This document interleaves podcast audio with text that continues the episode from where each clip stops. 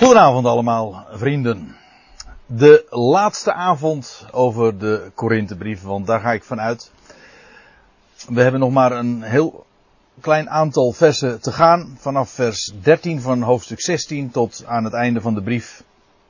Het 24e vers. Dat moet vanavond toch te doen zijn.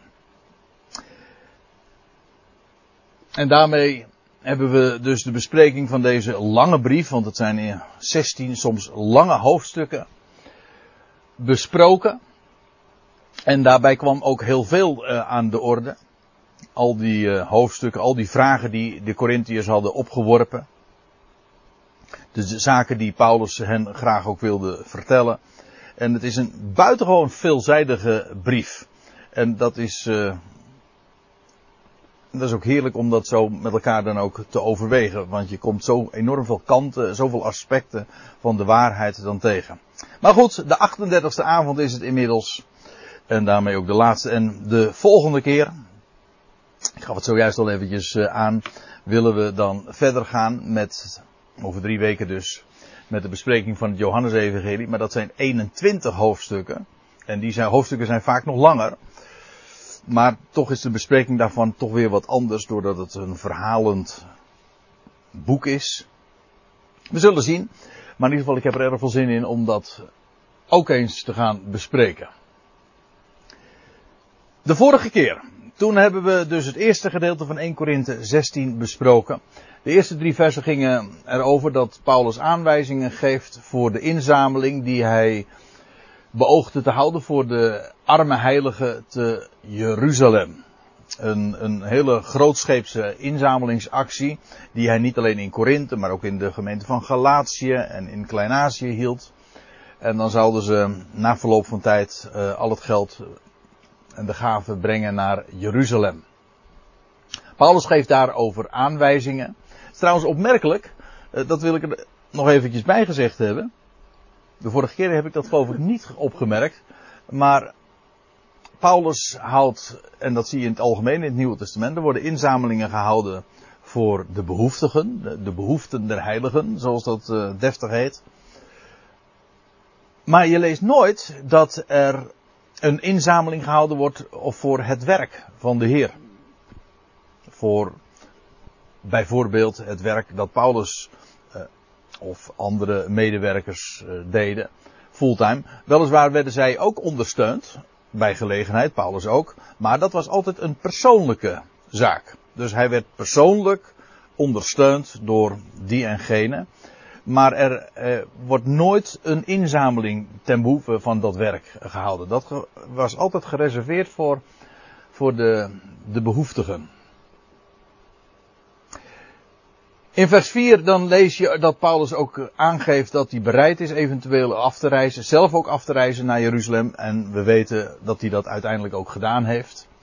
In de navolgende versen, vers 5, 6 en 7, spreekt hij over zijn voornemen om voor langere tijd naar Korinthe toe te gaan en daar dan ook te blijven. En mogelijk daar ook de winter door te brengen. Dan in vers 7 en 8 spreekt hij uit dat hij in ieder geval nog tot Pinksteren, een Joods feest, het wekenfeest, het Shavuot, zo heet dat in het Hebreeuws, dat hij tot Pinksteren in Efeze wil blijven. Uh, dat is omdat er daar een, een grote en krachtige deur geopend is, zoals uh, hij dat ge, heeft geformuleerd. Dus daar was uh, enorm veel werk aan de winkel en hij voegde nog aan toe, er was ook heel veel tegenstand, dat wel. Maar die twee gaan altijd hand in hand. En dan in vers 10 en 11 geeft hij de Corinthiërs nog instructies dat als Timotheus bij hen zou komen, en die stond op het punt daar te arriveren, dan zouden ze hem ook ontvangen en uh, niet gering schatten vanwege zijn leeftijd enzovoorts. En dan in het twaalfde vers, dat is het laatste wat we de vorige keer hebben gezien, dan heeft hij het nog even over Apollos, die een grote rol heeft gespeeld ook bij de, in de beginfase van deze Ecclesia in Korinthe. Maar die zou Korinthe gaan bezoeken. Maar dat zou, en Paulus had toch graag gewild dat hij dat al eerder had gedaan, maar daar is het uh, tot dusver niet van gekomen. Apollos zou nog wel naar Korinthe toe gaan, maar niet eerder dan dat het hem uitkwam. Paulus uh, is dan weliswaar een apostel, maar hij zegt niet van jullie moeten naar mij luisteren of hij moet naar mij luisteren en hij moet dat doen. Helemaal niet. Ieder, iedere dienstknecht is daarin zelf verantwoordelijk. Paulus voerde geen heerschappij over wiens geloof dan ook. Nou, en dan zijn wij inmiddels aangekomen dus bij het dertiende vers. En ik stel voor dat we daar de bespreking ook oppakken. Dan begint hij in deze laatste mededelingen, losse opmerkingen, min of meer los, want ze hangen toch ook wel weer samen. Dat zullen we wel vanzelf zien. Blijft waakzaam. U ziet, als u de interlineair kijkt, er staat helemaal niet blijft waakzaam, maar waakt. Dat blijft, uh, dat is eigenlijk ook helemaal niet zo ter zake, want als je één ding van de Corinthiërs kan zeggen, is dat ze juist niet al te waakzaam waren. En die woorden, die zie je, die lees je wel vaker in de brieven van Paulus. Hij zegt bijvoorbeeld in 1 Thessalonica 5 vers 6, laten wij ook niet slapen gelijk de anderen, maar wakker, waakzaam dus, en nuchter zijn. Waakzaam heeft alles te maken met alert zijn en ook nuchter, bij zinnen. Als je nog even trouwens verder leest, dan lees je ook van dat zij die slapen, die zijn des, die zijn des nachts slapende. En die dronken zijn, zijn des nachts dronkende. Nou, dan ben je dus ook niet meer nuchter en goed helder bij geest. En dat heeft dus te maken met alert zijn en nuchterheid. 1 Petrus 5 hetzelfde. Wees nuchter en waakzaam. Die combinatie. De tegenpartij, de diabolos, gaat rond als een brullende leeuw, zoekende wie hij zal verslinden. In Colossense 4 zegt Paulus, volhard in het gebed, wees daarbij waakzaam in dankzegging. Dan zie je volharden en waakzaam. Blijf alert dus. En volhard daarin. En waakzaam laat je gebeden niet verzanden in vragen, maar wees waakzaam in dankzegging. Door, door te danken en in het danken eh, betoon je je alert en waakzaam. In Efeze 6 iets soortgelijks. Dan spreek je over een smeekbede biddende bij elke gelegenheid in geest. Daartoe ook wakende in alle volharding en smeekbeden aangaande al de heiligen. Ook ten behoeve van mij, zegt hij dan, dat mij bij het openen van mijn mond het woord geschonken worden om vrijmoedig het geheim van het evangelie bekend te maken. Ook hier dus, daar gaat het me even om, waken en volharden waken en ook nuchterheid. Waar dat hier mee te maken heeft, in 1 Korinthe 16, dat is niet zo moeilijk, want het staat er eigenlijk ook precies eh, bij. Wees waakzaam, wakker, alert. En hoezo? Met het oog waarop dan? Nou, dat staat er pal achter. Staat in het geloof. Of, zoals u ziet in die interlineair, staat vast staat vast in het geloof. Dat wil zeggen in dat wat jullie, dat wat jullie is overgegeven en meegedeeld en verkondigd. En wat ik jullie heb verkondigd, blijf daarin staan. We hebben in het voorgaande hoofdstuk dat ook gezien. Dat hij het, dat hoofdstuk, weet u wel, 1 Korinthe 15 over de opstanding. Ik maak u bekend, broeders. Het evangelie dat ik u verkondigd heb, dat gij ook ontvangen hebt, waarin gij ook staat. Waardoor gij ook behouden wordt, indien het zo vasthoudt als ik u verkondigd heb. Dus er staat heel veel ook op het spel. En hij begint het hoofdstuk met dat jullie ontvangen hebben en waarin jullie ook, waarin jullie ook staan. En hij eindigt het hoofdstuk met, daarom mijn geliefde broeders, word standvastig. Het staat niet, wees standvastig, maar word standvastig. Jullie staan, maar laat je er ook niet van afbrengen van dat wat ik jullie allemaal heb verteld. Hoeveel geruchten en geluiden en beweringen en filosofieën ook de ronde mogen doen, blijf daarin staan. En dat is een oproep die je heel dikwijls ziet. En juist dan is ook de basis, als je staat in dat evangelie. Dat is ook de basis dat de Heer ook overvloedig zijn werk in en door ons kan doen. En we zien in Galaten 5 dat Paulus ook zegt, eh, opdat we waarlijk vrij zouden zijn, heeft Christus ons vrijgemaakt. tot vrijheid dus. Houd de stand. Maar u ziet, hier wordt het vertaald met houd de stand, maar er staat in het Grieks hier exact hetzelfde als wat we ook in 1 Korinthe 16 zien. Staat vast. Houd stand. Dat wil zeggen, blijf daarin staan. Houd de stand waarin, nou wel, in die vrijheid waarin Christus ons geplaatst heeft. In het geloof. Niet in werken. Geloof staat tegenover werken. In dat wat jullie is meegedeeld als blijde tijding, als een goed bericht, blijf daarin staan.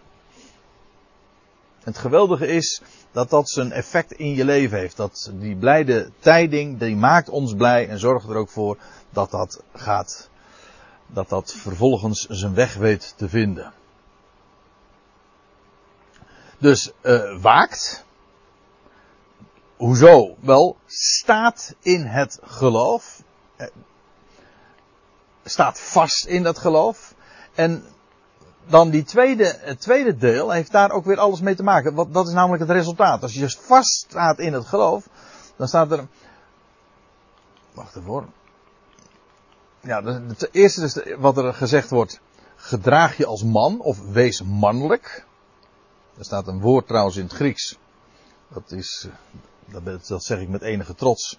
Maar er is mijn eigen voornaam ook van afgeleid. André. Maar André betekent eigenlijk gewoon mannelijk weet nog heel goed dat ik destijds, misschien e- even tussendoor, en uh, toen kwam bij ons een, uh, een, nieuwe predikant in Aalsmeer. En die raakte nogal bevriend met mijn ouders. En de eerste keer dat hij bij ons thuis was, en die man was nogal een expert op het gebied van uh, de Bijbelse talen, Grieks en Latijn, maar ook Hebreeuws. En, afijn, uh, ik stelde me voor, ik was een ventje van, goh, wat was ik, uh, 9 à 10, 11. En ik stel me voor en ik zeg, mijn naam is André. En het was een wat verstrooide man. En, en hij keek me zo aan. André, André. Ah, dat komt van het Griekse Andreos. Zoiets moet hij gezegd hebben. En dat betekent sterk, mannelijk, dapper. Nou ja, dat, uh, dat, dat was niet tegen de dovermans horen, want dat vond ik natuurlijk wel leuk om te horen. Maar dat was de eerste keer dat ik hoorde dat mijn naam dat dus betekent. Maar dat is wat hier Paulus dus formuleert, mannelijk.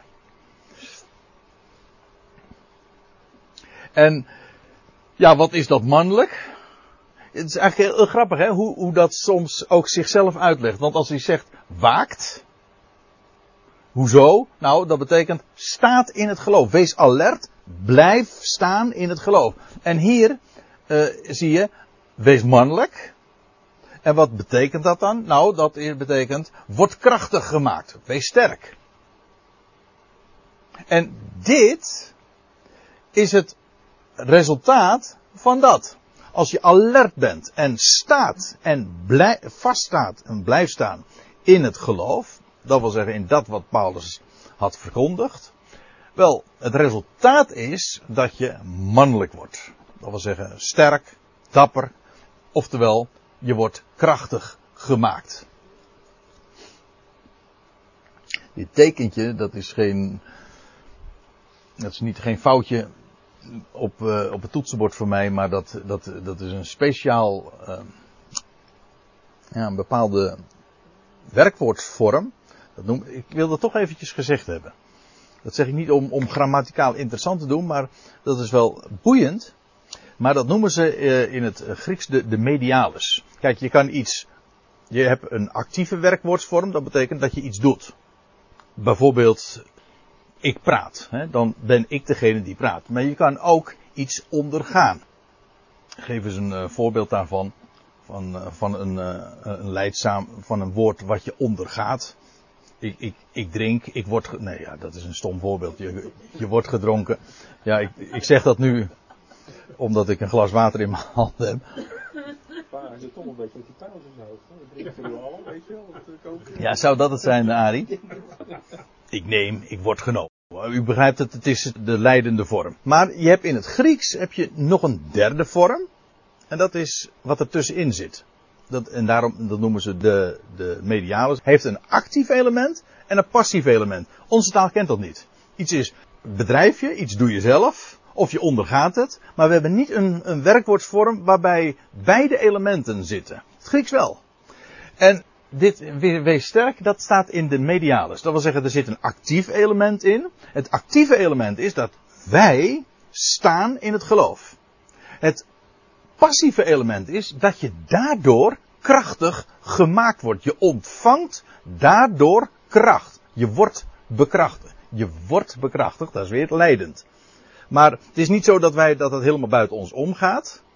Het, er zit dus een actief element in en een passief element. Die kracht ontvang je. En hoe zit dat? Wel, dat heeft te maken met dat je staat in het geloof. En dat maakt ons mannelijk en sterk en dapper en bekrachtig ons. Ik wil daar uh, in de toekomst nog eens wat, wat meer over uh, uitweiden, want over zo'n, over die typische vorm, want het zegt heel dikwijls heel veel over wat er eigenlijk aan de hand is. Iets wat je doet, maar wat je ook ondergaat. Beide. Maar goed, ik heb er eh, in dit verband dan alvast even op gewezen. En dan voegt Paulus er nog aan toe in het 14e eh, vers. Laat alles bij u in liefde toegaan. En hier is het dat bekende woord, Griekse woord agape. Nou, we hebben daar een heel hoofdstuk uh, toen aan gewijd. 1 Korinthe 13, het beroemde hoofdstuk over de liefde. Ook niet speciaal. Ook niet zo, maar dat dat daar zo staat. In dat specifieke verband gaat het, is het een lofzang op de liefde van God. Want agape is maar niet lief vinden. Dat is eigenlijk phileo. Daar heeft het Grieks ook een woord voor. Het Grieks is in, zoveel opzichten zoveel rijker aan taal, aan woordkeus. Maar ook allerlei werkwoordvormen. Maar goed, ik heb het nu dus over het woord. Maar agape wil zeggen dus, het is liefde van goddelijke aard. Het is liefde die ook onvoorwaardelijk is. Zoals Gods liefde ook onvoorwaardelijk is. Gods liefde wordt niet meer als wij ons best doen en wordt niet minder als we niet ons best doen of als we hem bedriegen of wat dan ook doen. Gods liefde staat. Dat is agape. Kijk, lief vinden heeft altijd al iets te maken met ja, de sympathie, de affiniteit die je met iets of iemand hebt.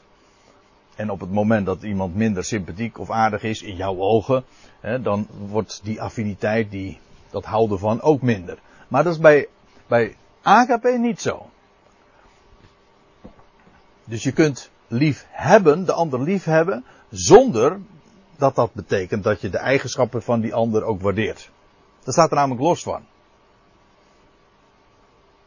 Er is één soort liefde op aarde dat daar heel dichtbij komt en dat is de liefde van een vader en een moeder voor een kind.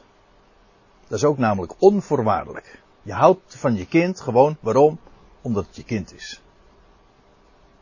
Met allerlei andere soorten liefde, dan is dat vaak afhankelijk van, nou ja, van allerlei voorwaarden. Dat hoor je wel, Ina.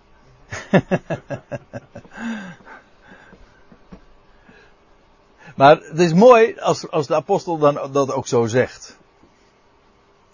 Dat laat alles bij jullie, alles, in liefde. Dat wil zeggen, in, gekenmerkt worden door die liefde van God, die ook onvoorwaardelijk is. Als je God kent en je weet dat Hij die ander en wie dan ook lief heeft, gewoon onvoorwaardelijk en het ook ongelimiteerd, dat wil zeggen, er komt nooit een einde aan ja, dan is het ook niet moeilijk, als je die liefde kent, hem kent, om die ander in diezelfde liefde lief te hebben.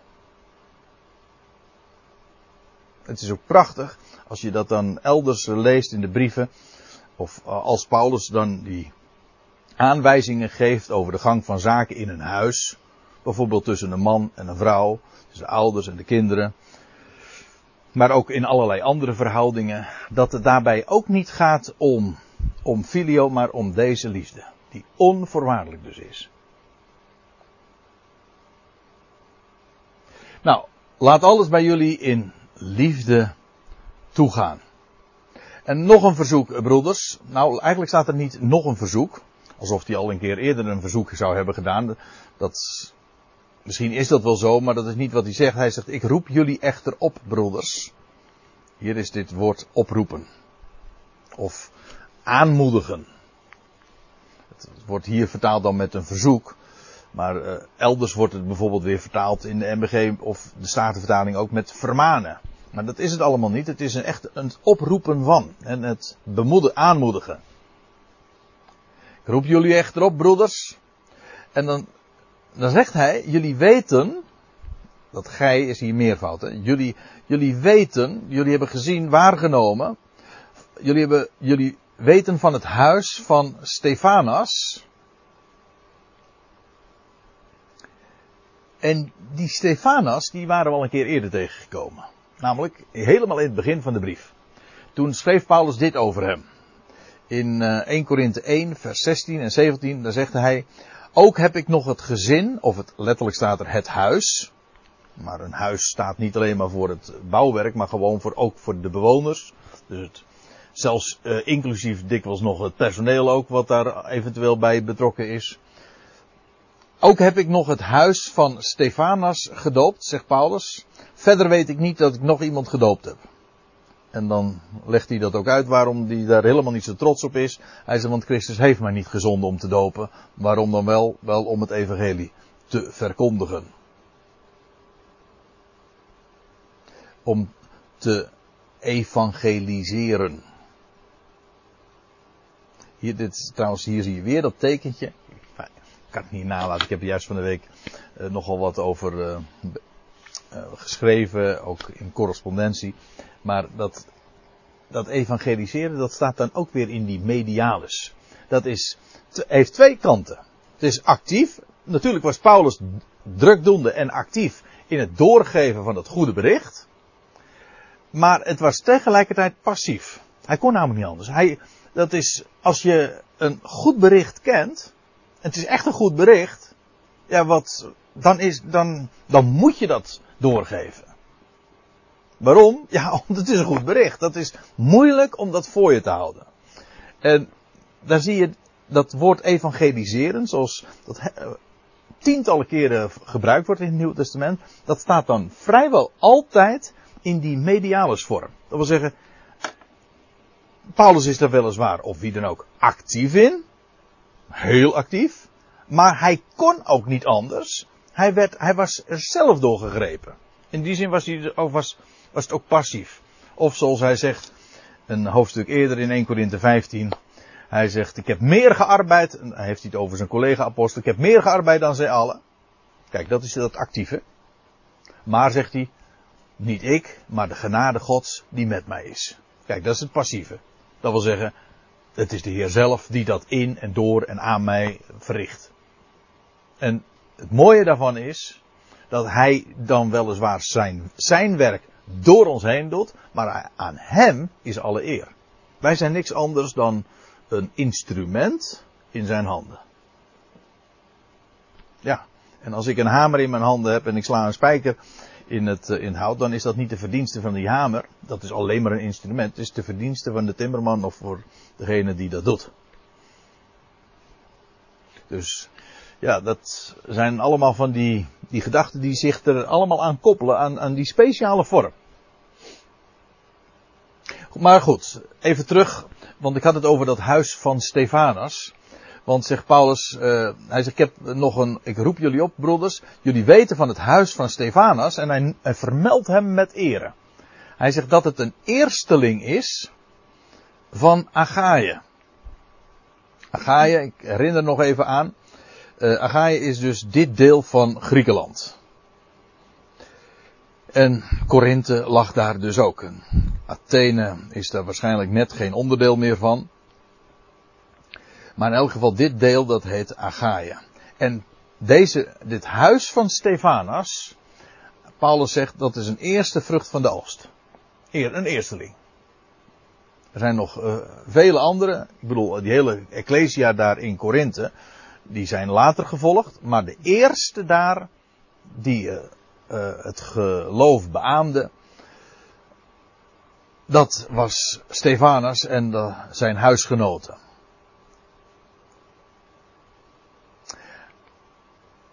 We, die uitdrukking trouwens, een eersteling van Agaïe, we lezen in hoofdstuk 16 van, van de Romeinenbrief, uh, iets soortgelijks, maar dan gaat het over een eersteling uit Azië. Daar staat, groet mijn geliefde Epenetus, de eersteling voor Christus uit Azië. Ja, Paulus die ging overal naartoe en daar, die boodschap droeg vrucht. Maar daar waren eerstelingen. Wel, in Achaia was dat Stefanus, in Azië was dat dus Epenetus. En er wordt nog iets uh, over hen gezegd, over dat huis van Stefanus. Ze waren eerstelingen van Achaia. En Paulus zegt dat zij, dat zij zich ten dienste van de heilige gesteld hebben. Ten dienste van. U ziet in het Grieks staat hier het woordje uh, diaconie. Diaconia.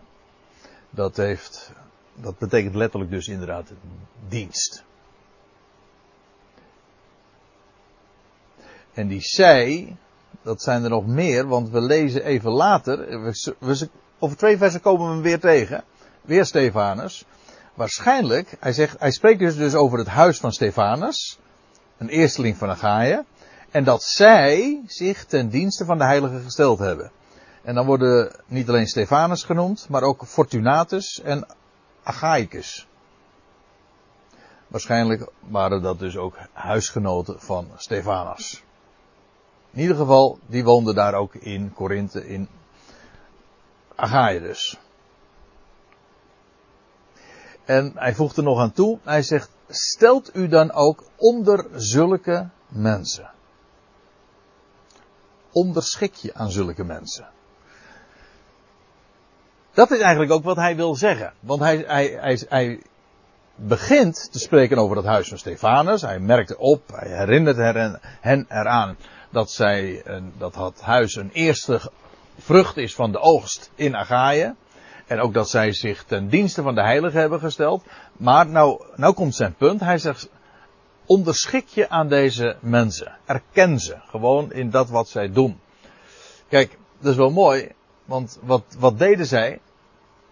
Ze, ze waren ooit de eerste vrucht. Vervolgens hebben zij zich ten dienste gesteld van. Zij waren niet gecertificeerd. Ze waren niet eh, aangesteld door Paulus of wie dan ook.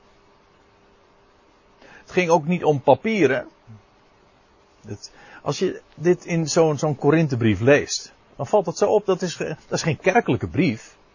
Totaal niet. Paulus had een evangelie verkondigd, het goede bericht, dat had, had zijn, dat had zijn resultaat gehad, er waren vruchten, eh, dat had vrucht gedragen. En er waren mensen die zich actief daarbij instelden. Zich inzetten voor het eh, werk. En dat heeft niks te maken met certificatie of met papieren. Dat hadden ze gedaan. Zij waren niet gecertificeerd, maar ze waren gekwalificeerd. En waarin, waarin bleek dat? Wel, gewoon in het werk wat ze deden. Ze hadden zich ten dienste gesteld. En wat Paulus zegt is, erken zulke mensen ook. En onderschik je daar ook aan. Schik je daarin en ook daaronder. In eh, 1 Thessalonica 5 zie je iets soortgelijks. Daar schrijft Paulus, wij verzoeken u broeders, vragen jullie broeders, hen die onder jullie zich inspannen en die jullie leiden in de Heer en u ja, in de MBG staat dan terechtwijzen, maar dat is niet het woord terechtwijzen, maar die jullie attent maken op, attenderen. Dus niet, het, het, idee is niet die jullie terechtwijzen, het idee is die jullie attent maken op, ja, de dingen en de rijkdommen van het woord. Wel, degene die zich zo inspannen, die jullie daarin ook, die uh, jullie leiden, maar moet eens kijken wat, wat dat woord leiden is dat is eigenlijk letterlijk gewoon vooraan staan. Ze gaan gewoon voor. Dat is een mooi woord eigenlijk ook. Voorgaan. Betekent, ze gaan en anderen volgen hen daarin. Dat is, dat is wat leiding gewoon is. Dat is geen kwestie van gezag claimen, jij moet luisteren naar. Nee, zij gaan een weg en dat blijkt een voorbeeld te zijn en die, een voorbeeld ter navolging. Wel, Paulus zegt uh, dus in die, tegen die Thessalonicenzen, wij verzoeken jullie broeders, hen die onder jullie zich inspannen, die jullie leiding geven, die voorop gaan in de Heer, dat wil zeggen in dat wat de Heer te melden heeft en zijn woord, en jullie daarop attenderen om hen te erkennen. En zeer hoog te schatten in liefde. Waarom? Om hun werk. Dus dat heeft niets te maken met, met officiële aanstellingen of met papieren of iets wat ze konden claimen. Maar zij waren medewerkers, zij deden. Ze bewezen zich in hun werk. En wat Paulus zegt is, erken dat. Dat wat ze doen.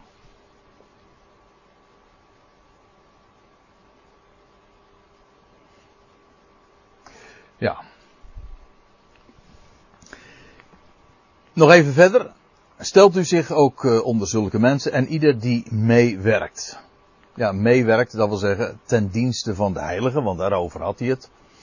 En ook meewerken in het evangelie, in het doorgeven en het verspreiden van het goede bericht. En ar ook arbeid.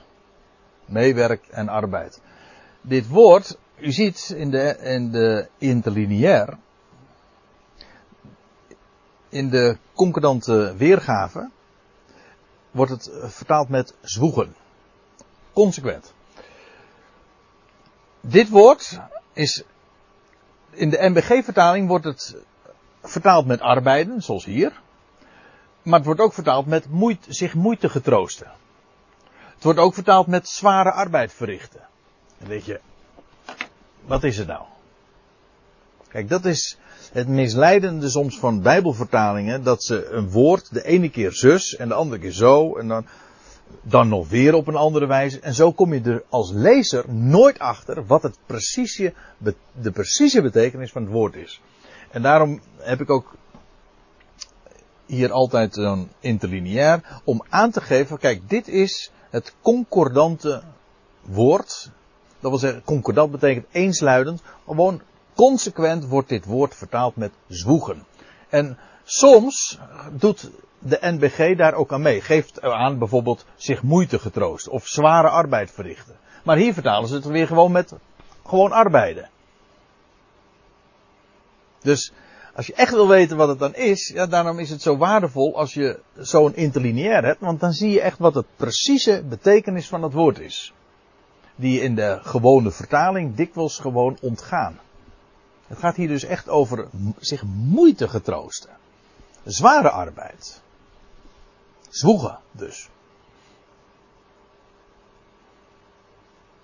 Dus daaruit blijkt ook wel dat, dat hij Paulus het heeft over mensen die zich volledig inzetten en zwoegen. Ja, dat is het woord. Dat is uh, wat ook wel duidelijk opvalt natuurlijk. Ik verblijd mij, zegt hij dan nog in vers 17, over de komst van Stefanas. Nou, hij had zijn naam zojuist genoemd. Die, die eersteling daar in. En nou noemt hij ook nog twee andere namen erbij. Fortunatus. Dat, als je een beetje let op het woord, dan weet je eigenlijk ook wat het woord betekent. Nou, in het Nederlands ja, ja. Hè? Ja. Ja, fortune. In, in het Engels. Uh, het is eigenlijk een Latijns woord. Het is een, uh, een Latijnse naam. Een Romeinse naam dus. Maar fortunatus dus heeft te maken met geluk. Maar ook ge, Wij zeggen dat ook. Gefortuneerd. Ja. En Agaicus, Agaicus. Dat is ook echt een leuke naam. Want dat is iemand dat is, de naam is ontleend aan de landstreek waar hij woonde, namelijk Agaïe. Dus hij, hij werd genoemd naar de streek waar hij vandaan kwam. ja, zo gaat dat met, uh, met namen. Je hebt ook mensen in, in de Bijbel die, uh, die gewoon genummerd worden. Ja, je hebt mensen, je komt, je hebt een, tet, uh, je hebt een secundus. Maar secundus betekent gewoon tweede. Dus waarschijnlijk was die de tweede thuis en uh, vonden ze, haalden ze het een beetje moeilijk. Ja, ik, ik, ik, ik, zeg maar wat hoor. Want je kan nog wel andere verklaringen bedenken. Maar secundus betekent gewoon tweede. En misschien, ja, waar de vader en moeder van plan een groot gezin te stichten, dan, dan nummeren we ze maar. Maar ik zeg dat nou zo, want je hebt, je hebt een secundus, dat betekent tweede, maar je hebt ook een tertius. Dat is een, een schrijver. Tertius, en de ter, tertius betekent uh, derde. En je hebt ook een quartus. Quartus de broeder in Romeinen 16. Quartus betekent de vierde. En je hebt ook nog een quintus, dus de vijfde. En ik herinner me ooit iemand die zei van, eentje heb je niet. Je hebt de tweede, je hebt de secundus, je hebt tertius, je hebt quartus, je hebt quintus. Maar je primus heb je niet, de eerste. Weet u waarom? Dat is de zelf, ja. Dat is de eerste. Hij heeft de eerste plaats. Ja. En Stefanus betekent trouwens kroon of krans. En deze Stefanus is niet zo bekend als die andere uit het boek Handelingen. U weet wel, die gestenigd werd. Maar goed. Paulus zegt, ik verblijd mij over de komst van Stefanus, Fortunatus, Archaicus. Dat waren allemaal uit, dus die, die nu bij Paulus waren gekomen. Maar ze kwamen uit Achaia, dus uit de streek van Korinthe. en Paulus zegt, ik verheug mij echter op de aanwezigheid, de hier staat trouwens het Griekse woord parousia. Parousia, de aanwezigheid, dat is wat het woord betekent. Ja, hier de komst van Stefanus en deze, dit drietal dus. Want, zegt hij, hetgeen van uw kant nog ontbrak, hebben deze aangevuld. Eh, jullie tekort, jullie gemis. Hij bedoelt het gemis aan jullie, want Paulus was nu bevond, hij schrijft deze brief vanuit Efeze, dat weten we. Hij schrijft deze brief vanuit Efeze. Hij zegt, ja, ik ben nu al een tijd inmiddels bij jullie weg.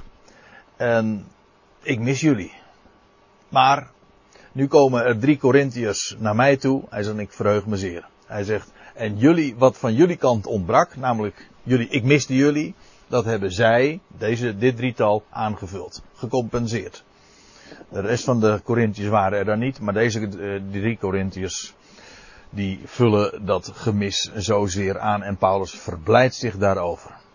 Het spreekt ook over de warme band die hij heeft en ondervond met deze Ecclesia. Er was wel wat, uh, het een en ander had er zo gespeeld, maar desalniettemin die, uh, die liefdesband, agape, die was uh, een blijvende. En dan zegt hij er nog bij, want zij hebben mijn geest en de uwe verkwikt. Dit woord verkwikt. Dus een aardig voorbeeld van wat ik zojuist bedoelde over concordant. Kijk, hier zie je uh, de wijze hoe het concordant wordt weergegeven. Altijd met rust. Ze hebben mijn geest uh, en de uwe verkwikt, maar letterlijk rust gegeven. De MBG, die vertaalt het ook heel vaak met rust. Zoals u ziet. Maar andere keren dan weer met verkwikken. Hier. Hier. Is dat nou zo boos of is dat nou zo kwalijk? Nou, in dit geval zou ik zeggen, maakt mij dat niet zoveel uit. Maar het gaat even om principe. Het gaat erom dat je dus, als je het concordant doet, dan her, ga je woorden herkennen. Zeg van, aha, het gaat over dit woord. En dan is het zo waardevol als je weet van, dat is consistent, gewoon consequent zo weergegeven. Ze hebben mijn geest en de uwe rust gegeven. Ook in de zin van, dat zit er namelijk ook nog achter. Niet alleen maar dat Paulus zich verheugde daarin, oh, in hun komst, maar ook ze hadden hem gerustgesteld over wat er in Korinthe gaande was. Want ondanks de dingen die er speelden, ze konden ook het geweldige werk dat God daar in hun midden deed melden. En dat vergaf Paulus ook rust. En Paulus zegt, deze mensen erkent ze. Zulke mensen die zich zo hebben ingezet, zo gezwoegd hebben ten dienste van de heilige, dat is buitengewoon uh, waardevol, erkent ze. Geef ze de credits, ere, zoals de, dat elders gezegd wordt, ere wie ere toekomt.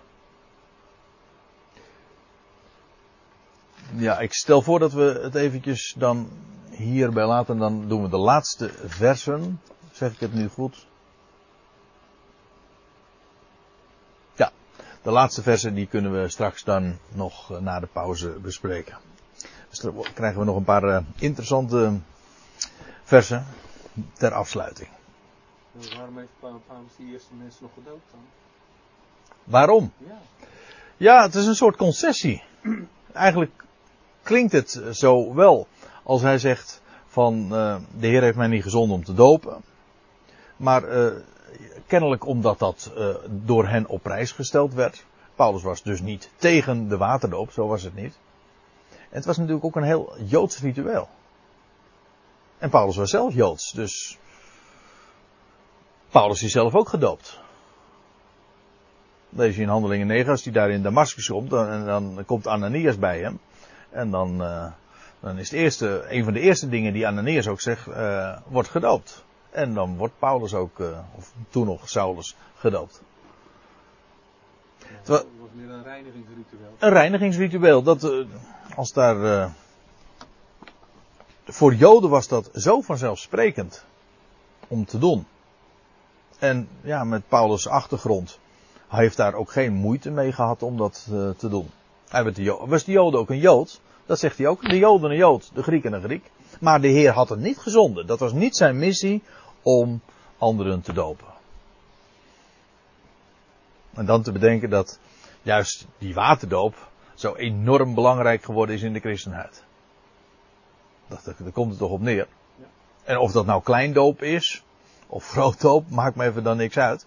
Maar dat ritueel van de, dat dopen, dat is, uh, ja, daar gaat het er wel om. In wezen is een hele kerkgemeenschap daarop gebaseerd. Ja, maar de, de, de kinderdoop, dat door andere mensen. Ja, het kan niet zelf kiezen. ja, ja, dan kom je natuurlijk nog weer op de vraag. eh, welke betekenis die waterdoop heeft. Voor een heleboel mensen, dat geldt niet alleen voor de reformatorische, maar van origine ook eh, de Rooms-Katholieke wereld. Men ging ervan uit, ja, wij zijn Israël. Wij vervullen de rol van Israël en de waterdoop heeft de plaats ingenomen van de besnijdenis daar vroeger. In plaats, dat staat ook in het doopformulier die in de protestantse kerken wordt voorgelezen. In plaats van de besnijdenis is de doop gekomen. En vandaar dus, en zoals kleine jochies in het Jodendom en in Israël werden besneden. Nou, zo moeten kleine kinderen gedoopt worden. Dat is het idee. Dus het ene ritueel heeft plaatsgemaakt voor het andere ritueel. Maar daar zitten zo enorm veel misverstanden ook weer aan, aan vast. Al- de, de volwassen doop, dat, eh, bij de baptisten en zo is dat allemaal wel. Als, als een mens geloof, gelovig wordt, de bekering, Ja, dan volgt daarna de doop. ja. Ja, dat speelt, eh, dat is dus bij de baptisten wel. Ja, de evangelische die verwerpen dus dat idee van de, gereformeerd en Ja. katholieken hebben de maar de anderen hebben de volwassen ja. Maar wat dan vervolgens gebeurt, is dat men toch aan, weer aan een ritueel zo'n grote waarde toekent. Want eh, ook bij de baptisten en bij de evangelische ja, moet je beslist gedoopt worden. Kijk, terwijl Paulus, eh, bij Paulus in zijn evangelie de waterdoop helemaal geen rol speelde. Nee, nou ja, je mag wel eh, de diensten bijwonen. Maar bijvoorbeeld het avondmaal, wat ze ook hebben. Bij de baptisten. Die zijn. Precies, dus het is daar echt ook, in, het heeft de, de functie van een deur. Dat wil zeggen, als je gedoopt bent, dan mag je binnen, dan ben je echt binnen. Als je niet gedoopt bent, dan sta je uiteindelijk buiten. Want ook binnen de, die kringen he- heeft men doopleden. Alleen dan door onderdompeling en bij volwassenheid. Maar ook daar is de doop, het doopritueel, zeer fundamenteel. Het is eigenlijk de basis van het hele kerkelijk leven. En waarmee dus een, een ritueel, iets wat een mens doet, een bepaald symbool, ja, wordt de, de basis voor, voor een geestelijke gemeenschap. Maar dat kan toch nooit. Paulus Ja. die, eh, Ja, ja die zegt eh, in de Efezebrief dan, voor ons is er één God, en één Here, en één geest, één lichaam, één doop, zegt hij. En als hij het heeft over één doop, heeft hij niet over waterdoop, maar over de doop in Christus. Ja. Ondergedompeld worden in hem. Wij zijn in 1 Korinthe 12, hebben we nog toen gelezen. 1 Korinthe 12 vers 13, daar zegt Paulus van, want wij allen zijn door één geest, of letterlijk in één geest, tot in één lichaam gedoopt. In één geest. Dat een geestelijk, dat wij, dat wij leden van het lichaam zijn, dat is niet door een ritueel dat we hebben ondergaan. We horen niet bij de gemeente doordat we de kopje ondergegaan zijn. Of voor mijn part slechts een paar druppels op ons voorhoofd hebben gekregen. We horen bij dat lichaam door geloof. Dat hij ons geeft en dan is het zijn geest die ons toevoegt aan dat ene lichaam, de gemeente. En dat, daar komt geen druppel water aan te pas. Of het nou een paar druppels is als je een zuigeling bent. Of een, een heel bad waar je kopje onder gaat op uh, volwassen leeftijd dat is het niet. Het is niet het water, het is die doop in Christus. Dat is een geestelijke zaak. Maar ja, een mens hangt er toch altijd weer heel erg aan om zichtbare dingen te hebben, rituelen en om daar waarde aan toe te kennen. Dat is toch wat je altijd weer ziet. Ja, waar. En dan zeggen ze, maar als je dat niet hebt, hoe kun je dan, hoe kun je dan een, een kerkgemeenschap vormen? Vind ik altijd leuk. Ah, als je dat zoiets dan tegenwerpen. Want dan denk ik bij mezelf, uh, een kerkgemeenschap, waar, waar, waar hebben we het over? Vaak wel, ja. ja. Een, kerk met een kerklidmaatschap, dat, eh, waarbij men met lidmaatschap ook bedoelt van dat je ingeschreven staat in een bepaald ledenregister. Ja, dat zijn allemaal menselijke bedenksels. Menselijke formaties, een instituut. En, en nou ja, we hadden het zojuist over, over leiding. Ook dat kent de Bijbel wel. Maar dat is geen formele zaak doordat jij bent aangesteld door een commissie of zo. Nee. Het, het woord wordt doorgegeven. En daar zijn mensen actief in betrokken. En, en die, die, zijn daar, die geven daarin leiding. Niet omdat ze een, iets kunnen claimen, of omdat ze autoriteit hebben, of omdat ze gezag of heerschappij kunnen oefenen. Nee, dat is gewoon werk dat ze verrichten. En dan zegt Paulus, erken ze. Maar dat is geen, dat is geen formele uh, kerkenraadsfunctie of zo, of dan ben je geen bisschop. Laat staan met een uh, vissenbek op je kop. Hè?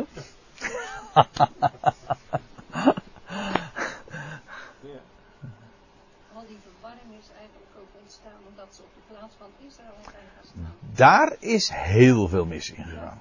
Maar dan zie je ook, als je het hebt, om nog even terug te koppelen naar die, die waterdoop.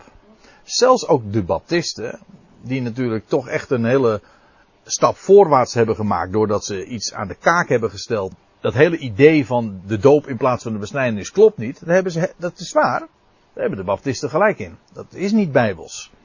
Maar vervolgens hebben zij het doopritueel minstens zo belangrijk gemaakt. In hun kerkelijk leven. En zij onderkennen ook niet dat die waterdoop een Joodse aangelegenheid is. Nee, zij menen dat dat ook onder de gelovigen, onder de natie, dat het essentieel is, heel belangrijk is. Zonder dat, ja, dan, dan ben je geen eens een volwaardig christen. Ja, en als je de consequenties daarvan overdenkt en trekt, de moslims hebben het natuurlijk ook, hè, de doop. Is dat zo? Ik zit er. Die gaan toch allemaal uh, een of andere rivier of, of zijn dat... Nee, oh wacht even, nee, dat zijn de boeddhisten. Ja, en uh, hindoes, hè, die, eh, de, in, in de, de hindoes, die de, in de gangers. Ja, dat soort reinigingsrituelen zijn, vind je in andere, andere godsdiensten natuurlijk ook, ja.